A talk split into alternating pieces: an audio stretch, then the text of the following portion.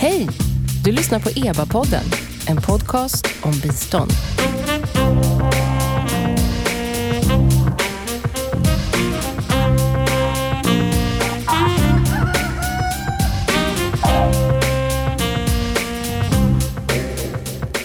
Välkomna till EBA-podden. Jag heter Nina Solomin. Expertgruppen för biståndsanalys, EBA, det är en statlig kommitté som utvärderar och analyserar Sveriges internationella bistånd. Och idag så är det extra kul här i podden, för vi är först med en nyhet kan man säga. Det är nämligen så att för första gången så skriver några forskare det svenska biståndets historia. Och två av dessa forskare sitter här i studion med mig idag. Välkomna Annika Berg och Mattias Thudén. Tackar, tackar. Tack så mycket. Annika, docent i idéhistoria vid Stockholms universitet. Ja, stämmer. Och Mattias, docent i historia vid samma universitet. Har ni jobbat ihop förr? Eh, Mattias var faktiskt opponent på mitt slutseminarium ja. en gång i tiden. Det var första gången vi mm. träffades tror jag. Vi har väl eh, stött ihop i olika I olika sammanhang. sammanhang. Eh, och sen så var det under min postdoc-period som vi stötte ihop och upptäckte då att vi hade lite gemensamma intressen i biståndshistoria. Ah. Och också då Urban Lundberg som är den tredje personen som är med i det här projektet. Ja, men det är bra att du mm. nämner honom. Mm. Precis, mm. osökt kommer vi in på Urban. Urban Lundberg, tredje musketören som också skriver detta eh, stora eh, biståndshistoriska verk. Eh, och kollega med dig Mattias, eller hur? Historiker vid Stockholms, Stockholms universitet. Ja, just det. Fast nu är han gästprofessor i Mosambik. Ja, och det är också svaret på varför han inte är med ja. i samtalet. Okej, men ni håller alltså på nu, om jag har uppfattat det rätt, att avsluta det här pionjärarbetet. Eh, hur kom ni in på det här ämnet, Annika? Ja, för min egen del var det så att när jag höll på då att skriva min avhandling som blev klar för nästan exakt tio år sedan då, som handlade om Signe och Axel Höjer som var ett par sådana här pjun, vad ska man säga, centrala aktörer i det svenska folkhemsprojektet nationellt och så. Eh, som också kom att bli lite grann av ett par pionjärer inom biståndet innan det egentligen fanns något svenskt bistånd. Och så. Alltså vad var de? Var de missionärer sa du? Eller? Nej? Eh, pionjärer kan pionjärer. man säga. Axel ja. Höjer jobbade för Världshälsoorganisationen och Signe okay. drev en del egna projekt och kom sen också bli involverad lite grann i planeringen av det svenska biståndet och så. Eh, och sen, så att då skrev jag en del av avhandlingen om bistånd, men hade också lite andra idéer som och bubblade där kring vad man kunde göra. Saker som jag inte riktigt hann med att göra där, som jag var intresserad av. Så det är 1900, eh. Mattias, det är 1945 till 1975 som ja. ni skriver om. Varför satte ni slutpunkten 75? Ja, det hände ju en hel del saker i mitten på 70-talet. Dels så uppnår man till slut det här eh, omtalade enprocentmålet eh, 75-76 Eh, Eh, det som man satsar på under liksom år efter år från 60-talet och framåt, eh, den punkten är nådd i mitten på 70-talet. Det blir en borgerlig regering som gör att saker och ting ändras lite grann. Ändras kanske mindre än vad man skulle kunna tro att det gör. Eh, så vi ser det lite som att det är en, vad ska jag säga, en första fas i biståndets uppbyggnad här som vi täcker in. Då. Sen är det faktiskt en arkivfråga också. Ju längre fram i tiden man går, desto svårare är det att titta på arkivmaterial som har med utrikespolitik att göra. UD framförallt. Eh, det finns en 40-årsgräns där. Så att vi har ju haft betydligt lättare då att jobba än om vi hade tittat på 90-talet till exempel. Oh. Men det är liksom inte mm. den primära anledningen. Utan det ska vill... väl vara hanterligt också, tänker ja, jag. Ja, det Hur ändå... kan tre man göra? Ja, det är ett otroligt stort arkiv, SIDA-arkivet. Men det är alltså ingen som har gjort det här tidigare, varför inte det? Eh, det är ju framförallt kanske det är en del som har gjort lite delstudier av olika slag av saker inom biståndet. Och det finns också en hel del folk som har jobbat inom biståndet som har skrivit kanske ibland lite mer översiktliga saker och lite mer minnessaker och så. Så det finns ju lite men det här liksom stora greppet som vi har då vågat oss på är det liksom inte riktigt någon som har gjort i Sverige än. I grannländerna Danmark och Norge till exempel ja. så finns det redan väldigt ambitiösa såna biståndshistoriker som också sträcker sig ännu längre fram i tiden än vad vi gör. Ja. Så eh, du nämnde Mattias dokument på UD och så. Finns det någon annan typ av eh, källor som ni använder er av? Man kan väl säga att UD och framförallt Sidas arkiv är väl arkivmaterialet det viktigaste vi har tittat på. Och vad är det då? Vad, vad är... Allt möjligt. Kvitton? Eller? Det kan det också vara. det är allting, rapporter, protokoll, det är ju hyll, hyll, säkert ja, hyllkilometer. jag kanske överdriver lite, men nästan kan jag tänka mig på Riksarkivet. Mm. Det är ju, hela verksamheten täcks ju in där. Allt som Herregud. ger något sorts skriftligt spår. Så det gäller att som någon sorts arkeolog leta sig fram där. Men sen har vi också haft tur här och hjälp av Lennart Wolgemut som är en gammal Sida-medarbetare som har gett oss kontakter till personer som är har samlat på sig mycket papper som vi har åkt och hämtat kassar hos, eh, vilket ger en väldigt speciell blick. Man får det här lite inofficiella. Då. Vad, alltså privatpersoner, privatpersoner som har varit, som har varit chefer mm. eller anställda ah. på Sida. Mm. Ernst Michaneks personarkiv, alltså generaldirektören för Sida mellan 65 och eh, slutet på 70-talet, Hans arkiv har nu kommit till Arbetarrörelsens arkiv. Det ger också, och vi är de första som är och tittar på det, det ger också en annan, liksom, man får den inofficiella sidan så att säga, de privata tankarna kring biståndet som kanske ofta inte finns i de officiella arkiven. Mm. Så det har varit ett jätteviktigt komplement, de här mm. andra arkivmaterialen. Mm. Annika, du har sysslat med lite andra källor också. Vet ja, jag. alltså Sidas arkiv är ju, det är ju jättestort, men vi ska ju den här perioden som vi tittar på, det är egentligen bara de sista tio åren där som Sida faktiskt finns. Så att det är ju också eh, mycket av det jag har tittat på har varit Sidas föregångare, då, Centralkommittén för tekniskt bistånd till underutvecklade länder. Tror jag. Det är ett väldigt mm. långt namn. När fanns den? Där? Eh, den fanns då från eh, början av 50-talet fram till 60 62 eh, och sen så fanns det då Nämnden för internationellt bistånd som var mer utav NIB. en myndighet, NIB, som kom då ett par år. Var ganska krisig sådär under sin tid, så den, fick, den var inte så långlivad. Sen kom då Sida 65. Men ja. jag har tittat mycket då på också NIBs och CKs arkiv. Mm. Och CK kan vi prata om mer, det var en, en lite speciell eh, organisation som inte riktigt var en myndighet utan mer en slags alltså paraplyorganisation. Den första, den första pratar du om nu, när du säger CK? Ja. Den första. Ja. Riksdagen måste vi tillägga också. Riksdagstrycket har ju också varit förstås ja. väldigt, väldigt centralt. En massa utredningar, både tryckta SOU, alltså statliga, statens offentliga utredningar, men också bakgrundsmaterialet till de här utredningarna är också jätteviktigt. Alltså jag eh, börjar undra, hur länge har ni jobbat med det här egentligen? Det, det, ska vi nog inte säga. Nej, några, lite för många år. Gud, det låter som att man lätt skulle kunna drunkna i, i detta. Men eh, mm. idag är ju biståndsbudgeten en självklar del eh, och överhuvudtaget oomtvistad verkligen eh, i svensk politik. Alltså, man satsar ju i runda slängar lika mycket på utvecklingssamarbetet som man satsar på svenskt försvar. Men så har det inte alltid varit. Hur var det i början där när man började styra upp svenskt internationellt bistånd, Mattias? Ja, alltså det finns ju ett tidigt bistånd kan man säga, eller försök till bistånd redan i slutet på 40-talet efter andra världskriget. Att man eh, låter stipendiater komma till Sverige till exempel. Från, att, från Afrika till exempel. Eh, eller europeiska, sydeuropeiska länder. Eh, men det är ju mest privata organisationer under 50-talet som står för biståndsinsatserna och projekten utomlands. Eh, frikyrkor, missionen, eh, fackföreningar, Rädda Barnen. Den stora majoriteten av, om vi tänker oss pengar som går från Sverige till vad man då kallade tredje världen, är privata pengar under 50-talet. Mm. Staten har en väldigt liten del av den kakan. Och Det här ändras ju då i början på 60-talet när man bestämmer sig för att nu ska vi föra en aktiv biståndspolitik. Och Det kommer en stor proposition, alltså ett regeringsförslag 1962 och där man liksom drar upp riktlinjerna för det framtida biståndet. Här nämner man också att ett mål någon gång i framtiden kan vara 1 procent av BNP. BNI.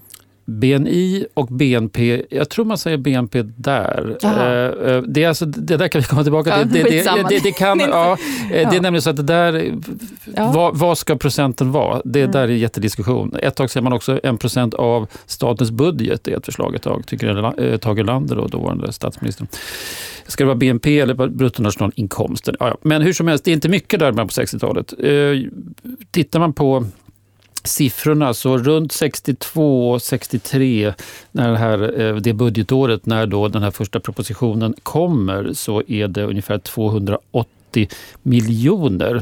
Eh, nej, det är faktiskt inte ens där. Det är 65, då är det 280 miljoner när man eh, startar Sida. Och sen är det en mm. tiodubbling under de tio år som följer sen då, ja. till 2,8 eh, miljarder 1975. Okay. Så det är en enorm expansion under ja. 60-talet. Och, och om man tittar på det här med procenten så ja, 0,15 procent av BNP satsar man i början på 60-talet. Eh, och det ska då gå mot det här målet 1 procent så småningom. Mm. Så det är, det, är, det är inte mycket pengar till att börja med och Sverige ligger liksom i botten av, av de vad ska vi säga, rika västländerna när det gäller att... Eh, på 50-talet? Ja, när det gäller att, och även början på 60-talet ligger Sverige väldigt lågt. Så den stora expansionen och målsättningen kommer i början på 60-talet och tar liksom fart rejält under 60-talets gång, särskilt slutet på 60-talet. Mm. Är det så att det går bra för Sverige som har råd? Liksom? Eller vad, vad, vad beror det på att det plötsligt blir så accepterat att eh, eh, satsa mycket på utvecklingssamarbete? Under den här perioden i början så är det liksom ingen självklarhet alls att Sverige ska satsa på bistånd. Och man har ju den här minimala budgeten verkligen. Och det här präglar ju också liksom vad, vad biståndet är, vad ett svenskt bistånd är under 50-talet och även början av 60-talet. Är inte alls någon självklarhet. utan Eh, dessutom råder väldigt stor samstämmighet och att det mesta av det svenska statliga biståndet ska gå, distribueras via FN. Så att de bilaterala projekt man satsar på, det är liksom ett litet, litet fåtal ganska väldigt små projekt då, som startades Eh, i huvudsyftet dels då fungera som ett slags flaggskepp eller slags reklampelare för att få folk att vilja ge pengar via skattsedeln till bistånd och förstå att det här är något viktigt. Dels ha en kunskapsgenererande funktion och fungera som ett slags bistånd, eh, pilotprojekt för att skapa kunskap om hur man eventuellt skulle kunna bygga upp mer storskaligt eh, bistånd i, i fortsättningen. Så. Ja, för jag eh. tänker, vad, vad, var det för typ av projekt som man eh, hade där i början? Då? De här, det som man inte så att säga, distribuerade via FN. Vilken typ av projekt? Var det vaccin eller brunnar? Mm. Eller alltså man hade ju några demokrati. små projekt. Man hade någon yrkesskola, man hade någon hälsostation och sådär. Jag har ju tittat, jag har tittat ganska mycket då på eh, familjeplaneringsbistånd som kommer bli en sån här liten pilotgren där och liksom det man satsade mycket förhållandevis, det var fortfarande väldigt lite pengar, men förhållandevis proportionerligt, sett. proportionerligt mm. väldigt mycket pengar till. Och det här handlade om att Eh, man såg, man började prata om en hotande befolkningsutveckling och ibland till och med en befolkningsexplosion och så, redan här under 50-talet ganska mycket. Eh, och såg det som en alarmerande sak. Samtidigt som det var då bara en, en av flera viktiga och samverkande fronter som man måste, man hade väldigt tydlig, man måste modernisera världen så att liksom lyfta upp eh, de här fattiga eh, länderna till, till en västerländsk nivå på olika sätt genom då utbildning, andra typer av fattigvårdsbekämpning, hälsovård, jordbruk och då familjeplanering eller befolkningskontroll som det i princip handlade om. Men just den här frågan då, familjeplanering och befolkningskontroll, kunde då inte drivas genom FN på grund av motstånd från katolska och också vissa kommunistiska länder. Och, Jaha, så då blev det som egna bilaterala Så det var projekt. därför man prioriterade det ganska ja. mycket då. För att eh, Sverige kunde då satsa på det här. Inte för att man, man tänkte sig inte att man hade någon speciell expertis egentligen, att Sverige var särskilt duktig på de här frågorna. Men det fanns folk som var intresserade av befolkningen och så. Men just för att det var uppfattades som ett sekulärt och fördomsfritt land. Och här kunde vi faktiskt driva de här frågorna och måste också, för man såg det som mer och mer alarmerande. Sådär. Ja, Mattias, det här med befolkningsexplosionen, använder man den termen? För till och med jag som är mm. född på 70-talet kommer nästan ihåg mm. just att man pratade om och Kina hade sin mm. ettbarnspolitik Absolut. och det levde ju kvar ganska mm. länge den här frågan Absolut. om och idag talar vi inte om den. Nej, eh, det börjar kanske komma tillbaka faktiskt. Mm. Men eh, det är ju en, en om vi tar debatten kring biståndet, eh, jag skulle, som den förs i media på låt säga 50-talet och början på 60-talet, så är befolkningsbomben som man pratar om och befolkningsexplosionen en en viktig del. Och det är ju en hotbild. Den har helt klart rasistiska undertoner skulle jag säga också. Yes. Det handlar ju om vilka är det som... Var någonstans sker tillväxten? Och, och, man ser ju det här som en... Biståndet, man jämför det med försvaret. Det är ett sorts försvar för Västeuropa, för Sverige att förhindra biståndet. Vad kommer annars hända? Enorma migrationer till exempel. Att förhindra biståndet? Be, att, förhindra, att förhindra befolkningsexplosionen. Ja. Mm. Förlåt. Eh, det är ju liksom enorma ah. migrationsströmmar tänker man sig framåt. Mm. Lite som debatten om klimatfrågan idag. Och där blir då biståndet en del. Så det är rätt, vad ska vi säga, inte helt vackra argument här från om vi tar de argumenten. Sen finns det ju helt andra argument som helt klart solidaritet, att det är en fråga om värdighet i de här länderna som man då talar om i tredje världen. Eh, att de rika ländernas ansvar, det finns ju också med. Utrikespolitik handlar ju också om, jag menar för Sovjetunionen respektive USA som är drivande här. USA är ju liksom tidigt drivande med biståndsfrågor efter andra världskriget. Så handlar det om att liksom ringa in, muta in länder under kalla kriget. Och där kom, man har inflytande ja, via precis, biståndet. Just det, just det. Och där kommer ju Sverige in som en neutralt land och går in i länder eh, som inte riktigt är kopplade till öst eller väst, tänker man sig till att börja med att Sverige har en särskild roll här. Men det är också en fördel, alltså Sveriges rykte efter andra världskriget var ju inte jättebra då. Eh, om man tänker sig eh, eh, politiken gentemot Nazityskland. Vi exporterade malm, kullager.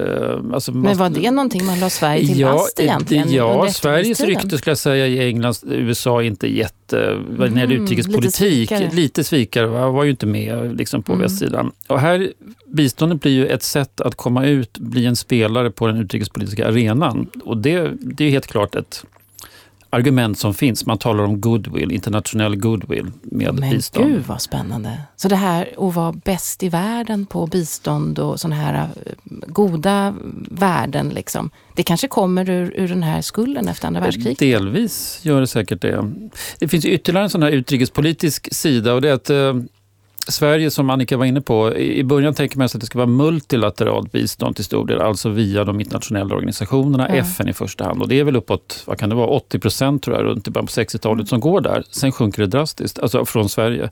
Och det är också då att man vill stärka FN som institution för små länder så är, så är eh, FN ett viktigt internationellt organ. Så det som kan biståndet så att säga, kopplas till FN, och här är ju många små länder som tänker likadant, Danmark, Norge också, eh, att eh, det blir viktigt att stärka de internationella systemen. så att säga. Och Det gör man också via ett internationellt bistånd. Så där finns liksom ett svenskt egenintresse utrikespolitiskt kan man ju säga. Det är ju hela tiden en, en pendling här mellan vad är egenintresse, vad är faktiskt altruism i det här. Det finns båda aspekterna finns ju med. Annika, hur skulle du säga att, att eh, attityderna var mot dem man försökte hjälpa på eh, 50 och 60-talet? Ja, alltså man kan väl säga att det, det kanske är lite mer komplext än man kan tro. Å ena sidan så kanske man har det här eh, det finns ju hela tiden någon slags ganska paternalistisk hjälpartanke, att vi ska liksom dra upp de underutvecklade länderna upp ur fattigdom och förtryck. Eh, samtidigt finns det också en, en viss kritik ganska tidigt mot det här begreppet underutvecklade länder och att man kanske snarare ska prata om dem som exploaterade eller ja, visa på att de är på väg att utvecklas eller så. Man börjar ju prata så småningom om utvecklingsländer. Alltså exploaterade, är det det här koloniala då? Att, ja, man, precis, att, att, att väst har, har så att säga, exploaterat dessa länder och nu ska man hjälpa till att ställa allt till rätta? Eller? Ja, exakt. Att det finns ett kolonialt arv som de lider av som man då ska liksom ställa till rätta. Och man tänker sig också att man ska kunna göra det mycket snabbare, och liksom, eftersom man har massa kunskaper från... här kommer ju liksom Sverige in, att man tänker sig att Sverige har varit ett ganska fattigt land, fattigt land som ganska snabbt då har rest sig upp till ett välfärdsland. Och man tänker sig då att man ska kunna ta vara på de här kunskaperna och resa länderna snabbare. Och så. Eh, så att det finns ju den här liksom, hjälpartanken som ibland, men kanske inte så genomgående som Mattias var inne på, liksom har liksom rasistiska undertoner, utan ofta ganska så här solidariskt på något sätt. Så det är det inte kan... så mycket det där 1800-tals äh, infödingarna, de är dumma i huvudet? Jo, men det finns ju också där. Liksom, det är ganska komplext. Liksom, att man ja. har inte den ingången, men ofta så sipprar det igenom lite den typen av attityder kan man säga. Så. Eh, samtidigt är det ju så att man pratar om bilateralt bistånd. Det ingår på något sätt redan i det här begreppet att det handlar om ett ömsesidigt avtal. Hjälp till hjäl självhjälp är någonting man pratar väldigt mycket om väldigt tidigt. Det ses som liksom eftersträvansvärt och det är liksom det mest effektiva sättet att jobba på. Om det funkar. Men det gör det förstås inte alltid i praktiken. Då. Det uppstår ju en massa trassel på olika sätt, vilket då ofta leder till stramare tyglar i bistånd på olika sätt. Mm. Är det någonting som eh, ni har överraskats av när ni har tagit er an den här perioden i biståndshistorien? Ja, alltså på ytan är det ju ett, en väldig konsensus kring biståndet. Att Sverige ska ha ett bistånd. Politiskt är man eniga. Oppositionen vill snarast ha mer bistånd på 60 på 70-talet. Mm. Men den, de konflikter som finns under ytan som vi får fram med vårt arkivmaterial, det tycker jag var en överraskning. Och mer, mer av konflikt kanske än vad jag trodde det skulle vara mm. när vi gick in i det här. Mm. Spännande. Det blir ju en perfekt cliffhanger här till, till eh, del två när jag återigen kommer prata mer men kanske fördjupa lite och gå in i lite fler eh, detaljer i svensk biståndshistoria. Nu så tackar jag Annika Berg, idéhistoriker vid Stockholms universitet och Mattias Thudén, historiker vid Stockholms universitet. Och jag ska också säga att det är väldigt roligt att fler och fler hittar till EBA-podden. Vi har lyssnare över ja, nästan hela världen nu och, och det gör mig faktiskt varm i hjärtat. Och så är det bara tuppen kvar. Jag heter Nina Solomin.